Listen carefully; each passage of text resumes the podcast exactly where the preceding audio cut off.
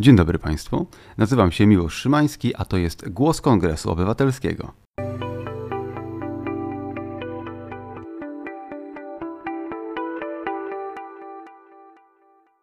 Moim gościem jest dzisiaj pani Patrycja Błaszkowska, członkini zespołu Kongresu Obywatelskiego, z którą porozmawiam sobie o tym, dlaczego tak trudno żyć, uczyć się i pracować w Polsce.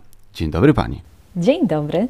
Spotykamy się, ponieważ ma Pani dosyć świeże doświadczenie w studiowaniu za granicą i od tego bym chciał zacząć. Mianowicie, jakie są zasadnicze różnice pomiędzy studiowaniem w Polsce a we Francji? W kwestiach różnic, y, które na pewno mogę na pierwszy rzut oka powiedzieć, które, których doświadczyłam w, w Polsce i, i we Francji, pierwszą rzeczą to są takie elementy zauważalny na pierwszy rzut oka, czyli fakt, że kiedy poszłam na pierwszy wykład e, we Francji, to jest coś, czego mi niesamowicie brakowało w Polsce.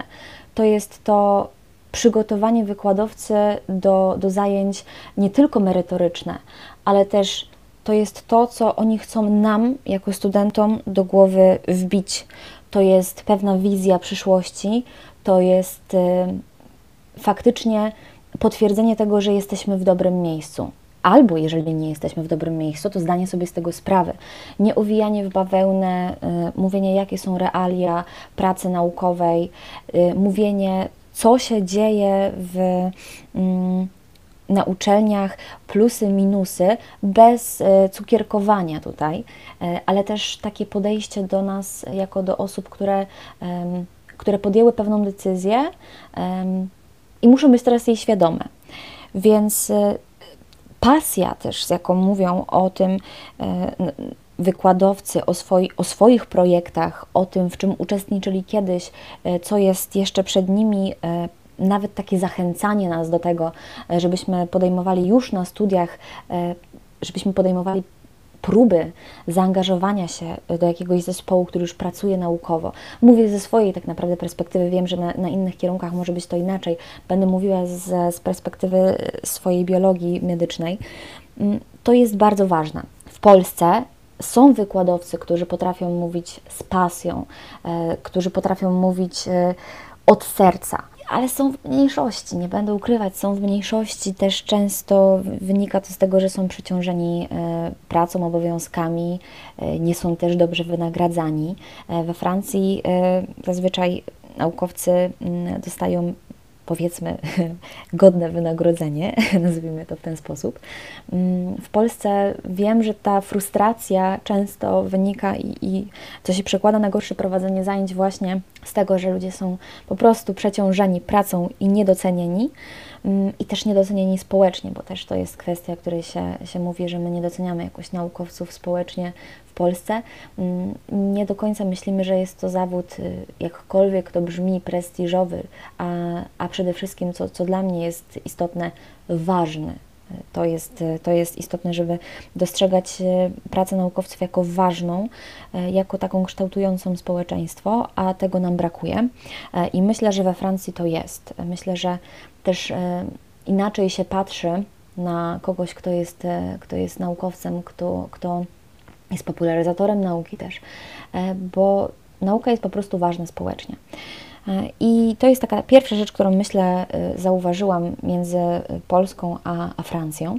Natomiast w przypadku takich już bardziej praktycznych rzeczy, zajęcia prowadzone na wydziale są mm, są ciekawe, są, są bardzo takie nieszablonowe. Zazwyczaj też w Polsce mm, to, z czym się spotykałam, to takie trochę mało kreatywne te zajęcia, mało takie angażujące studenta, bardzo oparte na schematach sprzed wielu, wielu lat, nieaktualizowane prezentacje, które, które, które są pokazywane nam na zajęciach no tak się nie przyciągnie studenta. Ten student będzie. To jest, to jest dokładnie tak jak w szkole podstawowej czy, czy w liceum. Mówi nam się, że no student to już, zwłaszcza, że na studiach mówi się per pan, per pani, e, i też jakby wydaje się, że to będzie szło właśnie w e, ramię w ramię z jakością, ale my jesteśmy jako studenci trochę jak tacy, takie, takie dzieci, które też jakby trzeba zwrócić naszą uwagę. No to jakby świat się nie zmienia drastycznie, kiedy piszemy maturę maturę i nagle stajemy się panami i, i paniami na, na, na uczelniach. Także my też chcemy tych zajęć zróżnicowanych, zajęć, które są, które wychodzą do studenta, które, mm, które też dają nam takie pole do, do popisu. Mm, I, to, I z tym się spotkałam na, we Francji. Dużo, dużo projektów, dużo takich prezentacji, y, które robiliśmy wspólnie w zespołach, y, opracowywanie pewnych zagadnień, y, ale też w taki sposób, nie, że no dobrze, tu macie taki temat, no to, no to zróbcie prezentację i potem ją zaprezentujecie. Prezentujemy prezentację, i potem są pytania, nie ma pytań, no to idziemy dalej, bo często tak to wyglądało w Polsce. E, we Francji, jeżeli prezentowaliśmy coś, to, to nie była tylko prezentacja na przykład oparta o jedną publikację, tylko tutaj ktoś miał jeszcze na to pomysł, a zobaczcie, bo może to można rozwinąć w tę stronę. A ktoś powiedział, masz rację, a ja czytałem inne ciekawe artykuły na ten temat, i też studenci są do tego przyzwyczajeni, że tak wygląda praca w grupie, tak wygląda kreatywne wspólne działanie. Stąd zespoły, które się tworzą, są bardzo już um, bazują na swoich doświadczeniach e, i przez to tworzy się bardzo, bardzo kompletna, myślę, prezentacja, która e, nie jest tylko kalką z, z jakiegoś artykułu naukowego czy, czy już kopiuje to, co jest napisane wszędzie na Wikipedii, w innych źródłach, w książkach, w podręcznikach akademickich, tylko jest taką. Mm, jest wynikiem pracy wielu umysłów, które myślą e, nie tylko na ten jeden zadany temat, tylko też wplatają w to swoje doświadczenia. I kiedy prezentujemy taką, e, taką prezentację e, złożoną z naszych pomysłów, to prezentowanie tego trwa mnóstwo czasu, bo się okazuje, że wszyscy mają pytania. Albo na przykład też niesamowita rzecz, zawsze, zawsze stresowałam się przedstawianiem artykułów naukowych, bo też często w dobie zdalnego nauczania miałam taki, taki schemat na uczelni, że dostawaliśmy artykuł naukowy i trzeba go było opracować i po prostu przedstawić, co było powiedziane w tym i w tym artykule naukowym. Będąc po tych studiach, które, y, które ja swoją pracę licencjacką broniłam online i, i bez takiego żywego kontaktu z, z, z wykładowcami, z akademikami, mm, nie miałam takiej też chęci do głębszego zerknięcia i często, i często to się przekładało na to, że ja po prostu nie rozumiałam tych artykułów naukowych i musiałam ściemniać podczas prezentacji, że tutaj prawda, zostało wykazane to i to i tutaj możemy zobaczyć taki i taki wykres i to pokazuje to i to, a tak naprawdę nie wiedziałam do końca, jak to zinterpretować. I nauczyciel tam we Francji powiedział mi, ale ty nie musisz tego wiedzieć. I generalnie powiedział do grupy, że jeżeli wy prezentujecie coś, co, czego nie jesteście autorami, to kto, jakby kto od was wymaga, żebyście wiedzieli, co prezentujecie? E, ja wam pomogę. I w ten sposób, jeżeli wy nie wiecie e, do końca, jak, jak funkcjonują dane figury z danego tekstu, to jeżeli wy prezentujecie komuś, kto w ogóle nie przeczytał tego artykułu, to jak jakby, e, jak oni mają to zrozumieć? Więc jest zdecydowanie takie podejście na to, żeby student zrozumiał, to jest klucz na studiach. Ty, wy macie rozumieć to. Moim zadaniem jako nauczyciela jest sprawienie, żebyście wiedzieli, e, o czym czytacie, żebyście wiedzieli, żebyście poznali coś, czego, co było wcześniej niezrozumiałe. Więc ta tendencja to jest też nowość dla mnie, e, bo zazwyczaj w Polsce spotykałam się z tym, że wykładowcy mówili: mm, No dobrze, tu macie się nauczyć tego, tego i tego i tego. Kropka. I my siadaliśmy i mówimy, aha, mamy się nauczyć tego, tego i tego, ale nie wiemy, dlaczego mamy się tego i tego nauczyć, bo wymówka, że mamy zdać z tego egzamin, a potem dostać dyplom, niby taka jest idea studiowania, ale czy faktycznie taka jest idea studiowania? E, więc e, wydaje mi się, że też e, mało osób zachęca nas faktycznie do zgłębiania swojej wiedzy. Sporo kół naukowych, które w Polsce istnieją, e, istnieją tak naprawdę tylko na papierze, zwłaszcza te koła naukowe, które e, są oparte, mm, których działanie powinno być naukowe, tak? Jeżeli, mm, jeżeli, jeżeli jesteśmy kołem naukowym na Wydziale Biologii czy Chemii, to istotą naszego działania nie może być zawsze popularyzacja nauki, tylko też byłoby przyjemnie zrobić jakieś projekty, byłoby przyjemnie y, zrobić coś praktycznego, ale na to są potrzebne pieniądze. A na działalność kół naukowych są przeznaczane, mam, mam wrażenie, bardzo marginalne środki. Więc jeżeli to nie działa, jeżeli my nie możemy się realizować w tych kołach, jeżeli na wykładach czy na ćwiczeniach one są nudne, to jak jak my mamy być później naukowcami, którzy tworzą jakieś e, wspaniałe pomysły.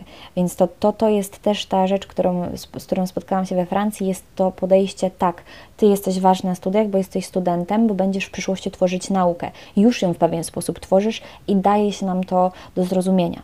I jeszcze dwie rzeczy, które na pewno y, są bardzo rzucające się w oczy. Y, pierwszą jest, y, jest umiędzynarodowienie mnogość nacji, która pracuje w zespołach, czy z którymi ja się spotykałam na, na studiach, jest dla mnie, jako dla osoby, która żyła w Polsce e, i, i, jedynymi takimi osobami międzynarodowymi z innych krajów, e, z którymi się spotykałam, to właśnie byli moi znajomi z Ukrainy czy z Białorusi, e, to tutaj to, że byłam wrzucona do jednego zespołu już na pierwszych zajęciach z dziewczyną ze Sri Lanki, z chłopakiem z Hiszpanii, z Brytyjką, z francuską i z Chinką i ja z Polski, no to był szok. To był szok, bo taki pozytywny szok oczywiście, e, bo wszyscy mieliśmy różne doświadczenia z różnych uniwersytetów i to też jest ciekawe. To też jest e, kwestia tego, że mm, w Polsce przez długi, długi czas miałam wrażenie, że w przypadku e, studiów trzeba na studia iść od razu po, po maturze. Jak nie poszła matura, no to, to szybko trzeba ją poprawić. A we Francji ludzie dają sobie czas. Osoby, z którymi pracowałam, były zróżnicowane nie tylko pod względem e, kraju, ale też wieku. Pracowałam z, na, na, na zajęciach, a to były zajęcia y, dla, mm, dla osób, po prostu to był taka, taki, taki odpowiednik studiów magisterskich tutaj w Polsce. Mm, to były osoby, które miały od 23-4 lat, czyli mniej więcej mój wiek, e, do 30, nawet 32, 33 i to było zupełnie normalne bo każdy ma swój czas na zostanie, y, na zostanie studentem, doktorantem, naukowcem. Każdy daje sobie ten moment na odnalezienie faktycznie mm, no nie chcę tutaj powiedzieć powołania, bo to brzmi zbyt górnolotnie, natomiast swojego momentu, na odnalezienie swojego momentu, swojego czasu, e, na to, żeby faktycznie studiował efektywnie, z przyjemnością e, i to jest ważne, więc to, że na tych uczelniach spotykam się z niesamowitą gronem ludzi z zagranicy, to jest piękne. W Polsce, jak wspomniałam, e, studentów najwięcej z zagranicy, no jest z Ukrainy, i chyba z Ukrainy, bo z Białorusi też spotykałam osoby, zwłaszcza w Warszawie, ponieważ e, wymiana do Paryża nie była moją jedyną wymianą, studiowałam też właśnie w ramach biologii medycznej w Warszawie mm, i też stamtąd miałam pierwsze swoje takie pozytywne doświadczenia, bo wiadomo, Warszawa trochę większe miasto niż Gdańsk, też można więcej zobaczyć. E, I, i myślę, że w Warszawie jest więcej studentów międzynarodowych niż, niż w Gdańsku, no ale Paryż tutaj oczywiście bije zarówno Warszawę, jak i Gdańsk e, na głowę. I bardzo bym chciała, żeby kiedy kiedyś, y, żeby kiedyś takie zespoły to, że to jest absolutnie naturalne, normalne e, i nie tylko na studiach, ale też, bo to się później przekłada na projekty naukowe i na mm, prowadzenie badań, też tworzą się zespoły międzynarodowe, bo my już teraz wiemy, że w nauce nie możemy być hermetyczni, nie możemy zamykać się tylko na, na nasz kraj, tylko musimy być zdecydowani, zdecydowanie otwarci na to, że ktoś we Włoszech, ktoś e, w Hiszpanii, e, a ktoś w ogóle w Norwegii i jeszcze w Chinach ma inne rozwiązania rozwiązanie naszego problemu. Więc może jeżeli my wszyscy się spotkamy i spróbujemy podziałać z naszymi różnymi doświadczeniami, to może uda nam się znaleźć coś rewolucyjnego. E, I to jest już kultywowane we, we Francji. E, w Polsce mam wrażenie również, ale nie aż, e, nie, nie chcę powiedzieć, że raczkuję, bo nie jestem w wciągnięta w proces jakby już badań naukowych, ale patrząc na studentów, w Polsce zdecydowanie dopiero to raczkuje. W takim razie wypadałoby zapytać, dlaczego czegoś takiego nie ma na naszych uniwersytetach, bo jeżeli chodzi o międzynarodowość, to wydaje mi się, że tutaj zawodzi to, że nasze uniwersytety nie cieszą się takim zainteresowaniem jak uniwersytety chociażby francuskie czy brytyjskie, szczególnie brytyjskie. Poza tym większość kierunków na naszych uniwersytetach studiuje się jednak po polsku, a polski nie jest przesadnie e, szeroko nauczanym językiem poza granicami naszego kraju. Ale nie licząc tego, zastanawiam się, jaka jeszcze może być przyczyna, że miała Pani tak pozytywne wrażenie ze studiowania właśnie tam, e, jeżeli chodzi o rzeczy, które my tutaj sami możemy zmienić rozwiązania y, gotowe, nie ma gotowych rozwiązań. Tutaj myślę, że mm, jeśli chodzi o to, co możemy zrobić y, jako jako studenci czy, czy, czy jako wykładowcy na uczelniach, kwestia zmian mm, jest, jest tematem rzeką chyba. I to, co, co, co na pierwszy rzut oka mm, i, i na, w kwestii swoich doświadczeń mogę powiedzieć, mm, to jest na pewno to, że powinniśmy mieć chyba bardziej otwarte głowy na, na doświadczenia innych e, i słuchać się wzajemnie, bo, bo we Francji to jest przynajmniej w Paryżu, ja też nie jestem jakąś ekspertką, która teraz wyjechała na kilka miesięcy i może się wypowiadać za wszystkich, e, ale myślę też, że to, że wszędzie ludzie są dla siebie y, mili, uprzejmi i otwarci. E, to jest też coś, co zmienia takie podejście do, do studiowania. Ja też zdałam sobie sprawę, że nigdy w Polsce nie było takiej sesji, na której bym się nie stresowała. I, i pytanie dlaczego? Dlatego, że myślę, że nikt mi nie powiedział, że y, stresowanie się niczego nam nie da. E, bo, bo co może dać stres? Bo nie jest on potrzebny, e, a wręcz zaburza. I, i z tym się właśnie spotkałam w, w, w Paryżu, że moi znajomi zapytali się mnie, no dobra, ale dlaczego ty się stresujesz? Przecież jakby to w ogóle nie ma, nie ma żadnego sensu. To, jaki będziesz miała wynik na, na egzaminie, e, to jest, to jest wynik Twojej pracy nie tylko, przez, e, nie tylko przez te kilka tygodni przed egzaminem, tylko powinien przynajmniej być Twoim wynikiem pracy przez cały semestr. E, I na tym, i, i faktycznie to, to jest taka rzecz, która, która bardzo uderza bo, mm, bo egzaminy w ogóle są bardzo, bardzo ciekawie poprowadzone na, na, na uniwersytecie, przynajmniej w, w Paryżu. E, są zdecydowanie wynikiem naszej pracy przez cały rok. I, i tak to właśnie, i tak to jest e, rozłożone we Francji, że, mm, że jakoś e, studenci wiedzą, że mają ten komfort, że to patrzy się na to, w jaki sposób oni pracują nie dość, że przez ten semestr, to i jest egzaminy są wynikiem ich myślenia, ich podejścia takiego kreatywnego, ich podejścia takiego wszechstronnego. I to też się zauważa y, to też myślę, że się zauważa też na, y, i na ulicach, i, i na uniwersytetach, że ludzie po prostu sobie w jakiś stopniu pomagają. Nie, nie chcę mówić, że, że wszyscy jesteśmy zamknięci w Polsce, bo, bo to nie jest prawda, nie jesteśmy bardzo zamknięci. Natomiast y, mamy wciąż taką nutkę, myślę, strachu przed, przed obcością, e, też e, trochę takiej y, dumy narodowej, której też nie brakuje oczywiście Francuzom, e, ale mm, myślę, że Francja już teraz dostrzegła to, że e, sami jesteśmy może i silni, ale i tutaj mówię tylko o kwestiach naukowych. E, sami może i jesteśmy silni, ale w przypadku, jeżeli jesteśmy wzmocnieni właśnie e, tym międzynarodowym składem i pomysłami, to przecież możemy być jeszcze silniejsi.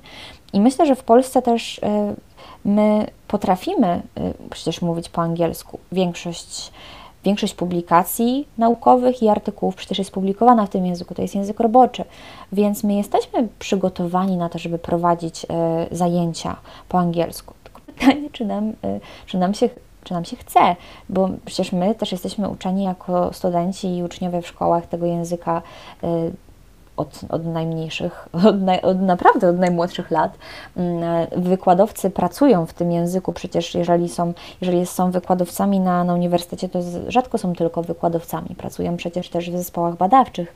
E, jeżeli pracują w zespołach badawczych, to mm, badania kończą się zazwyczaj publikacją. Stąd ten język jest non-stop obecny.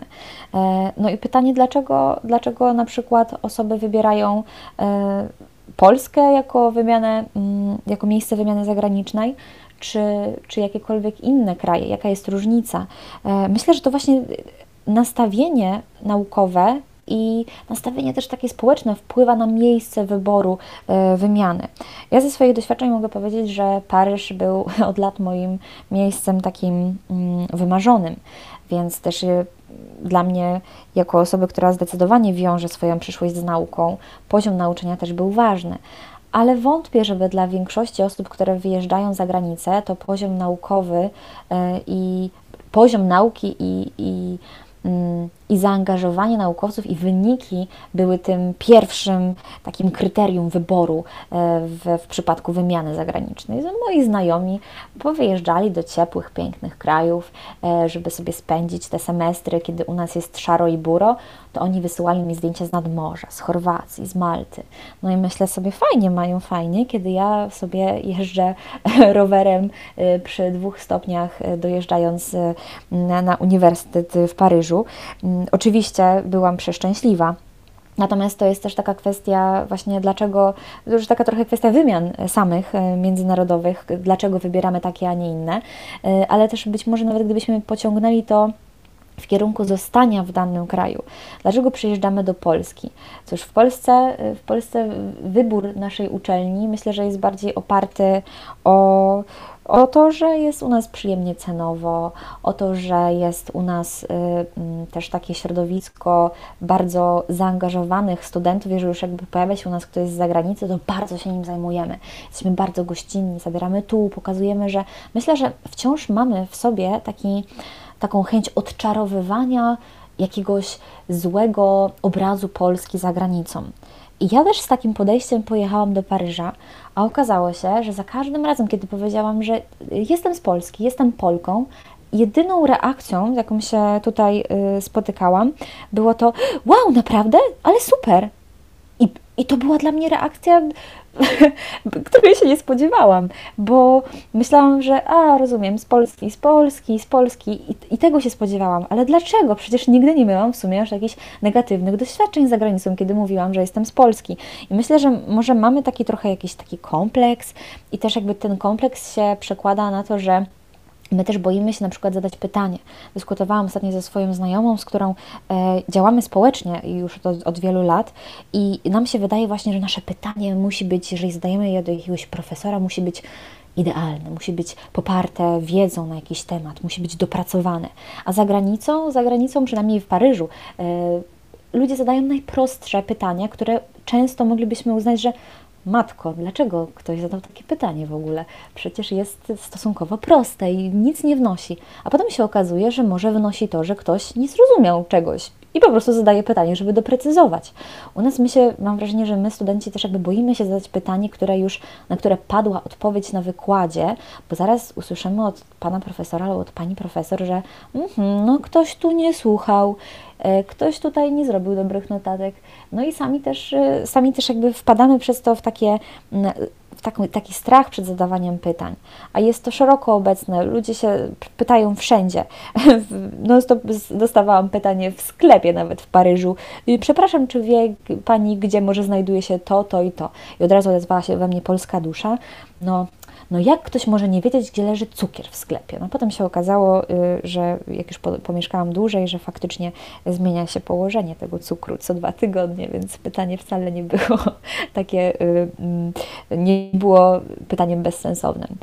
Y, więc w kwestiach tych różnic myślę, że Polska jest przygotowana na, na przyjęcie wielu e, studentów nie tylko z Ukrainy czy z Białorusi, ale też z, z dalszej zagranicy. I coraz bardziej jesteśmy przygotowani na to, że, że stajemy się też coraz bardziej e, tacy mm, tacy, no nie, nie chcę powiedzieć multikulti, ale więcej kultur się zaczyna e, u nas pojawiać. I też z samego własnego doświadczenia, w momencie, kiedy wychodzę, wychodzę sobie ze znajomymi do kawiarni, do kina, do pubu, chyba odkąd wróciłam, e, nie było takiego momentu, że kiedybym wyszła, nie słyszałabym języka angielskiego, e, a czasem języka francuskiego, z czego się ucieszyłam, e, czy nawet właśnie hiszpańskiego. I to jest obecne coraz szerzej i z tego się bardzo, bardzo cieszę, bo też mm, tak jak rozmawiałam ze swoim przyjacielem z, z Ukrainy, on mówi, że niestety wciąż spotyka się z, z przykrymi rzeczami w Polsce, z przykrymi komentarzami, które są zupełnie po prostu czasem rzucone do niego na ulicy, ale z drugiej strony, jak rozmawiam z ludźmi, którzy przyjeżdżają tutaj na wymianę międzynarodową, e, nie zawsze, zazwyczaj zazwyczaj nigdy nie patrzą pod względem naukowym, patrzą pod względem kulturowym, to są rzeczy, które mówią e, od razu, e, to oni spotykają się z ogromną gościnnością Polaków i z takim, czują się zaopiekowani przez nas i myślę, że to jest duży plus. Jeżeli chodzi o tych studentów międzynarodowych, to ja z własnego doświadczenia, a absolwentem jestem innymi Akademii Morskiej w Szczecinie, 10-15% studentów Akademii Morskiej w Szczecinie za moich czasów to byli Ukraińcy, już wtedy przyjeżdżający do nas studiujący po polsku. Także możliwe jest to, że bardzo wielu ludzi do nas przyjeżdża, ale my jeszcze tego nie zauważamy tak szybko. Natomiast ja bym chciał wrócić do troszeczkę innej rzeczy, bo fajnie, że w Polsce jest fajnie finansowo, czego też ludzie nie dostrzegają, to to każdy, kto był kiedykolwiek, e, gdziekolwiek w krajach, które wydają się być biedniejsze od Polski, przeżyje szok, widząc, że w sklepach wcale nie jest taniej. Więc zrównując ceny do zarobków, to Polska wpada niezwykle korzystnie. Natomiast ja bym się chciał uczepić innej rzeczy, mianowicie chodzi mi o tę uprzejmość, bo bardzo ja przynajmniej takie odnoszę wrażenie, że na Zachodzie taka przynajmniej powierzchowna uprzejmość, która opiera się o mówienie sobie dzień dobry na korytarzu, ulicy e, i tak dalej, e, uśmiechanie się do siebie w autobusie, a nie gapienie się w drugą stronę, powoduje, że no, życie tam jest o tę odrobinę przyjemniejsze. I takie ziarenka, które się zbiera przez cały dzień, składają się na to, że to jest moje wrażenie, aczkolwiek ja no, nie spędziłem lat za granicą na zachodzie, więc nie wiem do końca, ale odnoszę wrażenie, że na co dzień jest trochę przyjemniej być, bo ludzie są do siebie nastawieni pozytywniej. Zastanawiam się, czy to wrażenie jest jakkolwiek uzasadnione według Pani. Życie Paryżu nauczyło mnie uśmiechu od ucha do ucha. To znaczy, e, też jestem trochę świeżo po przyjeździe z Kopenhagi, w której e, spędziłam weekend właśnie z uśmiechem od rana do wieczora. Mm, też mam takie wrażenie, że mm, uśmiech to jest taka pałeczka, którą się przekazuje. E, jeżeli nie dost, ktoś nas uśmiecha, my mamy przylepiony uśmiech do twarzy i zarażamy tym uśmiechem każdą napotkaną osobę, a jak ktoś się do siebie nie uśmiecha, mm, przechodząc obok siebie, to, to uśmiechamy się jeszcze szerzej, żeby faktycznie ten uśmiech zagościł na jego twarzy. E, I z tym też się spotykałam w, w Paryżu wiele razy. Wiele razy mm, miałam takie mm, gorsze, może nawet dni, kiedy po prostu tutaj z dokumentami było y, ciężej. E, tutaj jakby we Francji biurokracja jest naprawdę, naprawdę ciężka. To jest jedna rzecz, na którą naprawdę mogę narzekać. E, narzekać po polsku, bo my Polacy, i to też są takie opinie y, znajomych z Paryża, mm, którzy bardzo delikatnie podchodzili do tego, jak już wiedzieli, że jestem z Polski, tacy ucieszeni i, i tacy mm, podchodzili, podchodzili do tego bardzo pozytywnie, to jednak mówili, jak już wchodziliśmy w takie różnice właśnie mm, jakieś międzykulturowe, tak delikatnie zaczęli mówić, że wiesz, Patrycja, bo Polacy tak y, lubicie, y, no jak to powiedzieć, i kończyłam narzekać. Tak, lubicie narzekać. Paryżanie też lubią narzekać, ale myślę, że spokojnie byśmy pokonali y, Paryżan w, w, w konkursie na narzekanie. Y, i, I brakuje nam właśnie takiej, takiej uprzejmości, takiego mm, pomagania sobie w potrzebie, e, chociaż jeżeli coś się dzieje już naprawdę źle, to potrafimy sobie genialnie pomóc e, w potrzebie. Natomiast e, zapominamy o tej uprzejmości na co dzień, mm, o tym, że takie odburknięcie komuś czegoś pod nosem, nawet jeżeli mamy zły humor, jakby bycie w złym humorze, bo coś się wydarzyło, chyba nie daje nam takiego prawa do psucia humoru innym. A myślę, że też lubimy to robić y, jako, jako naród. Mm, w Paryżu spotkałam się z tym, że jeżeli czegoś nie rozumiem, czegoś nie wiem, mam z czymś problem, zazwyczaj ktoś jest w stanie mi tutaj pomóc z uśmiechem, nie z takim wzruszeniem ramionami, z, z takim westchnięciem i, e, i powiedzeniem, no dobrze, no to już od razu ta, ta pomoc to już jest taka, biorę głęboki wdech i myślę sobie, okej, okay, będę miała pomoc. Mm, ale nawet takie właśnie mijanie się na ulicy z uśmiechem, powiedzenie sobie dzień dobry, to jest niesamowite, że kiedy szłam przez ulicę w Paryżu, ludzie po prostu mówili mi dzień dobry. Tak nie znając mnie, po prostu było to bonjour i i to jest nieprawdopodobne. Tak? Na początku myślałam, że nie wiem, ktoś mnie może zna, ale potem jak tak przeszłam przez miasto, byłam na takim trzygodzinnym spacerze i cztery razy usłyszałam od tak, usłyszałam to, to bonjour, to, to już wiedziałam, że to jest po prostu kwestia, kwestia taka kulturowa. Mm, I też ta uprzejmość y, czasami może być też trochę nachalna, bo jeżeli spotykamy się na uczelni, też być może to są moje doświadczenia jako, jako Polki, która jest przyzwyczajona do czegoś innego, e, kiedy spotykam się ze swoimi znajomymi właśnie na uczelni i mówimy sobie e, cześć, jak się masz? E, to how are you czasem jest tak rzucone, nawet bym powiedziała w locie, nawet nie mam, nawet jak powiedzieć, jak się mam e, i tak z oddali krzyczę, jest okej, okay, jest okej, okay, bo już porwał nas tłum, bo ktoś idzie na zajęcia tu, ktoś idzie na zajęcia tam i to jest po prostu takie rzucone ale to jest pewnego rodzaju takie automatyczne. E, jest to, jest to też takie mm, włączające. Ja się naprawdę czułam we wspólnocie. Czułam się, że jeżeli ktoś przychodzi, ktoś się pyta, co u mnie, nawet jakby wiem, że to nie, nie, zmieni jego życia. Wiem, że to, że powiem mu, że a wiesz, wczoraj się uczyłam do, do późna, albo wiesz, wczoraj widziałam świetny film, to nie zmieni życia tej drugiej osoby.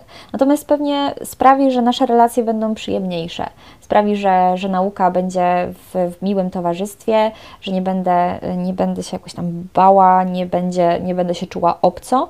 Mm, te takie zwyczajne zwroty i, i takie gesty uprzejmości y, są zdecydowanie budujące wspólnotę. Tak bym, tak bym to określiła, i też to, że czuję się na pewno włączona w grono.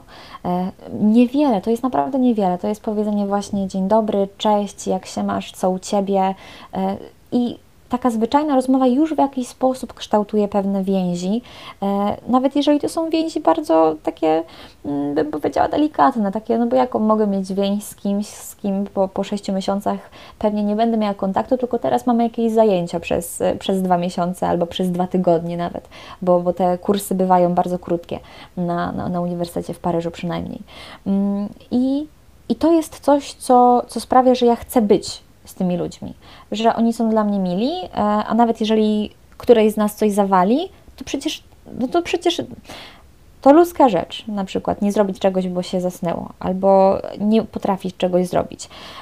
Więc myślę, że to jest też taki spokój, który dają mi te te po prostu tworzenie takich podstawowych, zwykłych relacji, podstawowego, przyjemnego środowiska, w którym mogę, e, mogę funkcjonować, mogę pracować e, i wszystko jest ok, po prostu jest ok.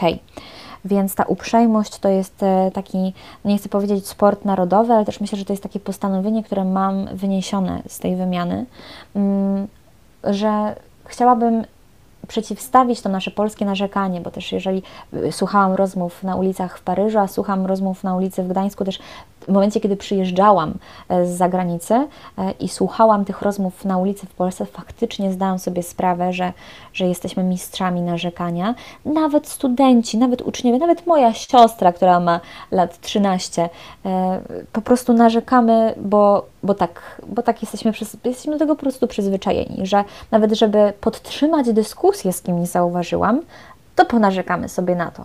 Nie, że zwrócimy uwagę, że a wiesz, że tutaj komuś się udało, ktoś, ktoś się zakochał, ktoś zaczął nowe studia, ktoś zrobił to. Jakoś tak czepiamy się tego, że no wiesz, no znowu zdalne, no, albo Jezu, trzeba się będzie ruszyć na uczelnię, bo, bo teraz stacjonarnie. Mm no cóż, e, zawsze sobie znajdziemy jakiś powód, ale myślę, że e, jeżeli coraz więcej z nas będzie właśnie e, czerpać dobre praktyki i próbować je implementować tutaj na gruncie polskim, to jesteśmy w stanie z tego wynieść o wiele więcej.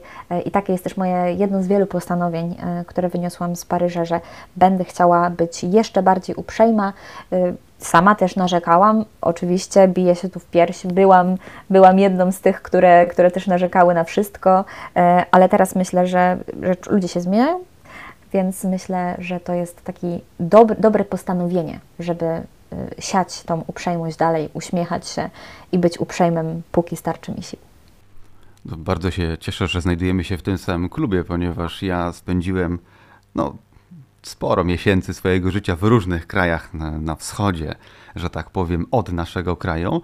E, I za każdym razem, kiedy wracałem, to byłem niezwykle wdzięczny, że Polska jaka jest, taka jest, ale da się tutaj w miarę sensownie żyć.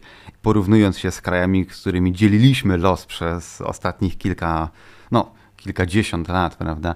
E, aż do 90 roku nagle się okazuje, że w zestawieniu z Ukrainą, Mołdawią, Gruzją, a w tych krajach mieszkałem, to Polska wpada po prostu bez absolutnie żadnego porównania, więc trzeba się tym cieszyć. I ja z tej perspektywy do tego podchodzę. Natomiast bardzo bym chciał wrócić do pewnej kwestii, która mnie bardzo zainteresowała. Mianowicie wspomina Pani, że sesja egzaminacyjna nie jest stresem. Ja jestem weteranem ośmiu sesji łącznie na wszystkich kierunkach, które studiowałem i nie pamiętam ani jednej, także na której bym się nie stresował Wydaje mi się, że wynikało to z tego, że nasz system edukacji, zarówno ten, y, y, że tak powiem, nauczanie podstawowe, y, opiera się na egzaminach. Studia także opierają się na egzaminach.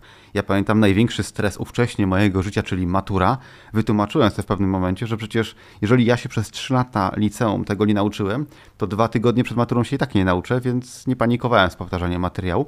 Ale wszyscy wokół mnie no, byli w strasznej panice, co teraz będzie, jak to jeden egzamin zmieni całe moje życie, jak źle pójdzie oczywiście.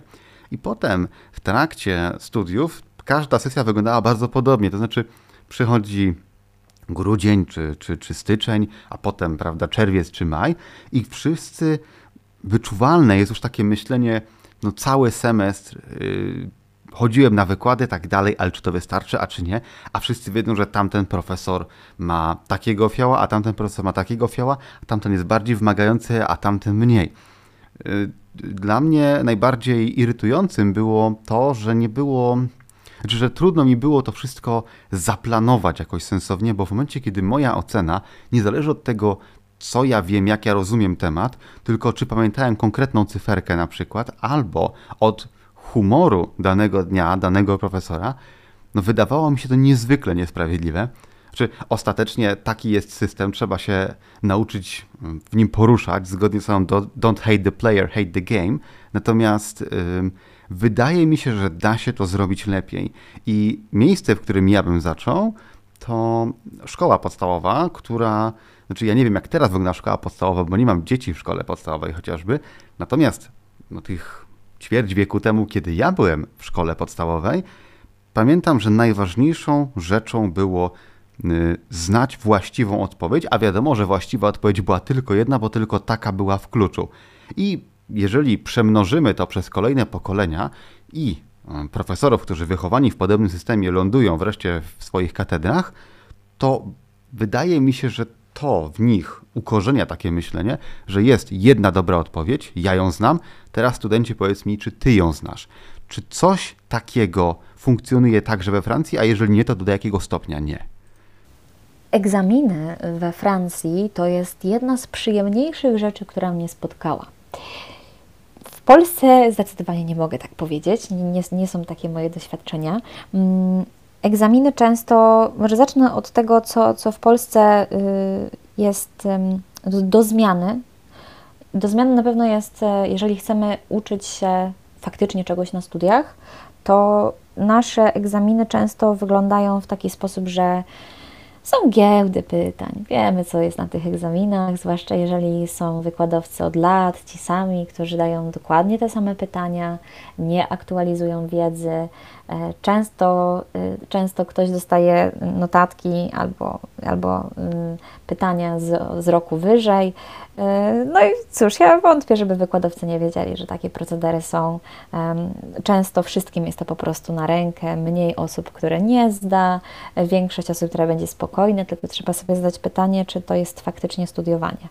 Czy, czy na tym to polega, czy to jest faktyczne sprawdzenie wiedzy.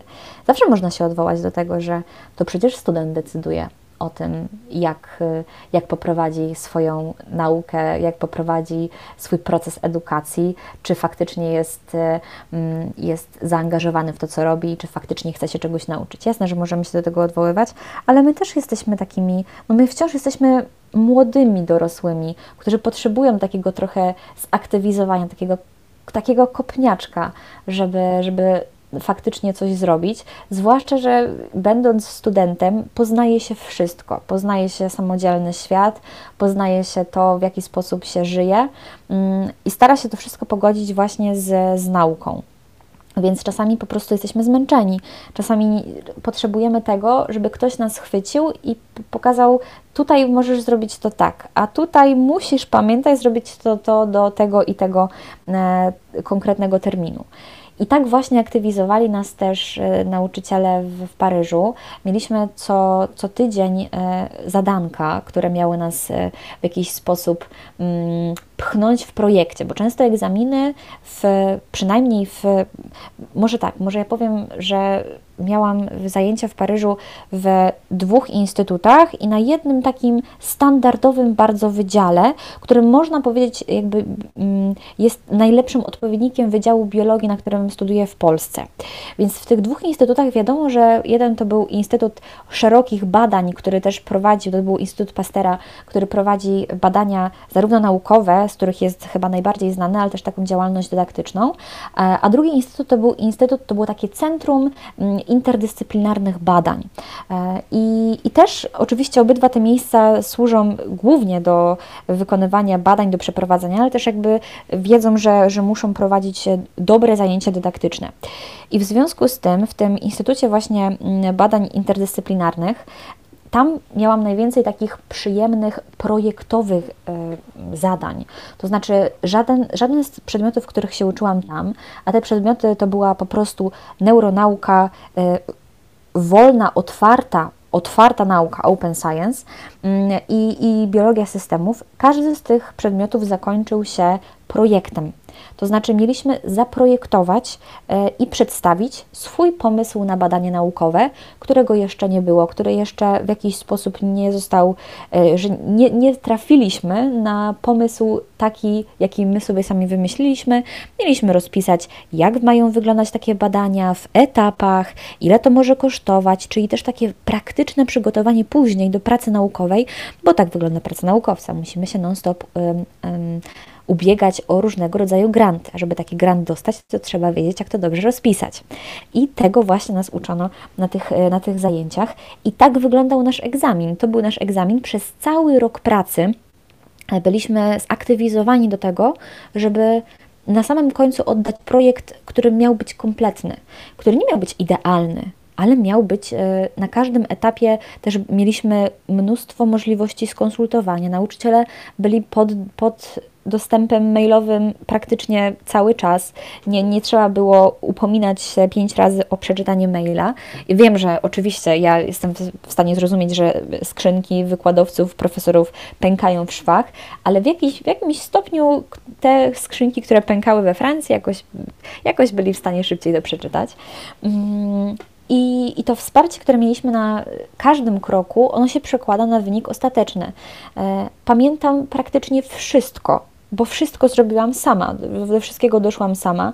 E, wszystkie problemy, które napotkałam na, na swojej drodze, e, robiąc te projekty, mm, były, były tak naprawdę bardzo potrzebne, bo dzięki temu jeszcze lepiej byłam w stanie zapamiętać różne nowe kwestie, których się dowiedziałam podczas tych zajęć. Oprócz robienia tego projektu, oczywiście były w przeciągu roku e, absolutnie standardowe zajęcia i wykłady, e, i też z tego wyciągnęłam sporo, ale no tutaj praca praktyczna zdecydowanie na dłużej zostaje w głowie. I prezentowanie tego projektu to było zaliczenie w ramach egzaminu. E, jeśli chodzi o Instytut Pastera, tam mieliśmy do napisania eseje. I to faktycznie było już takie skondensowanie. To były krótkie kursy tygodniowe, bardzo intensywne od rana do wieczora, które się kończyły właśnie takim egzaminem w formie eseju. I były to takie najnowsze doniesienia naukowe e, z, z, z, dziedziny właśnie genetyki i neurobiologii. Mm, I ten egzamin kończył się, te, ten egzamin, ta forma esej, mm, tak naprawdę nie było oparte o większość informacji, która była w prezentacjach, czyli nie, e, często to się dzieje na uczelniach polskich, dostajemy prezentację, e, zakuj i potem napisz wszystko, co było w prezentacji, nie dodaj nic od siebie, dostarcz do, do swojego wykładowcy, zostaniesz oceniony, koniec, etap zamknięty. A jeżeli e, dostajemy pustą kartkę e, i pytanie e, bardzo ogólne, żeby w jakiś sposób swoją wiedzę wpleść w odpowiedź, albo dostajemy na przykład jakiś wycinek z, z artykułu naukowego, tutaj przedstawiona jest pewna metoda i pytanie brzmi, jakie badania Twoim zdaniem byłyby wartościowe przy użyciu tej metody? To jest, to jest pytanie rzeka. Tutaj możemy się wykazać tym, że faktycznie mamy szerszą wiedzę albo wiemy, jak wykorzystywać daną metodę. To są takie rzeczy, które które są niesamowicie wartościowe, bo też ta ocena rzadko kto nie zdaje w ogóle w Paryżu, bo naprawdę trzeba się wykazać absolutnym brakiem kreatywności i absolutnym brakiem wiedzy, żeby takiego egzaminu nie zaliczyć. Więc myślę, że to też jest takie bardzo motywujące dla studentów, żeby szukać po prostu informacji poza wykładem, żeby faktycznie wiązać się ze swoją dziedziną, a nie często jak to jest e, na uczelniach e, tutaj w Polsce, słyszę, że no skończę studia i, i zobaczymy, i zobaczymy. W, Pol w Paryżu dostałam chyba pięć pytań, e, to po magisterce zamierzasz robić doktorat, prawda? A jeżeli mówiłam, że się zastanawiam nad tym, czy chcę robić doktorat, to były wielkie oczy. Ale jak? To przecież chcesz być naukowcem. Więc też ta ścieżka, ta kontynuacja mm, kariery naukowej myślę, że jest e, bardziej taka już przetarta we Francji. W Polsce, jeżeli właśnie zadaję pytanie swoim znajomym, to co, e, robimy doktorat?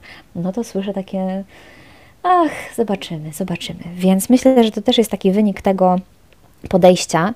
E, egzaminy oprócz tego, że są wynikiem tak naprawdę rezultaty pewnych projektów, skończenie tych projektów, czy, czy napisanie eseju, czy, czy właśnie egzamin ustny, to miałam wspaniałe doświadczenie z egzaminem ustnym, e, ponieważ zazwyczaj kojarzyło mi się to jako coś, no cóż, strasznego, traumatycznego, stresującego.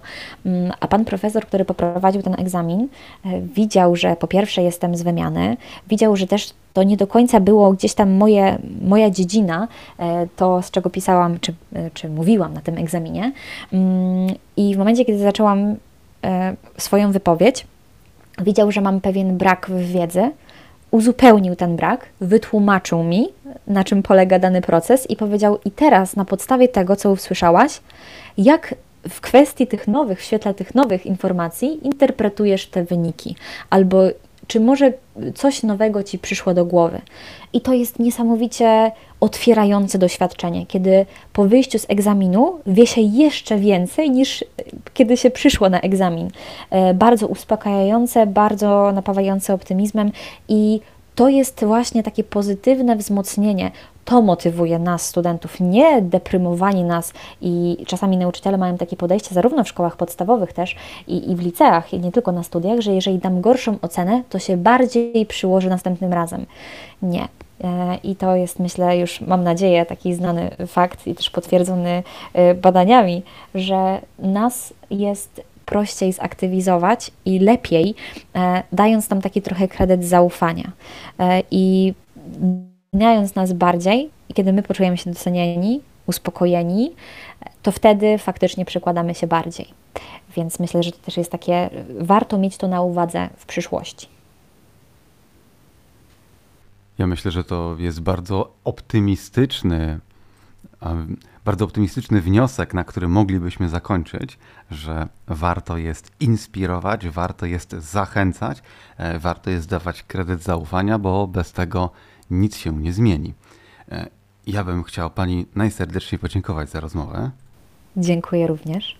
Moim gościem była pani Patrycja Błaszkowska, członkini zespołu Kongresu Obywatelskiego.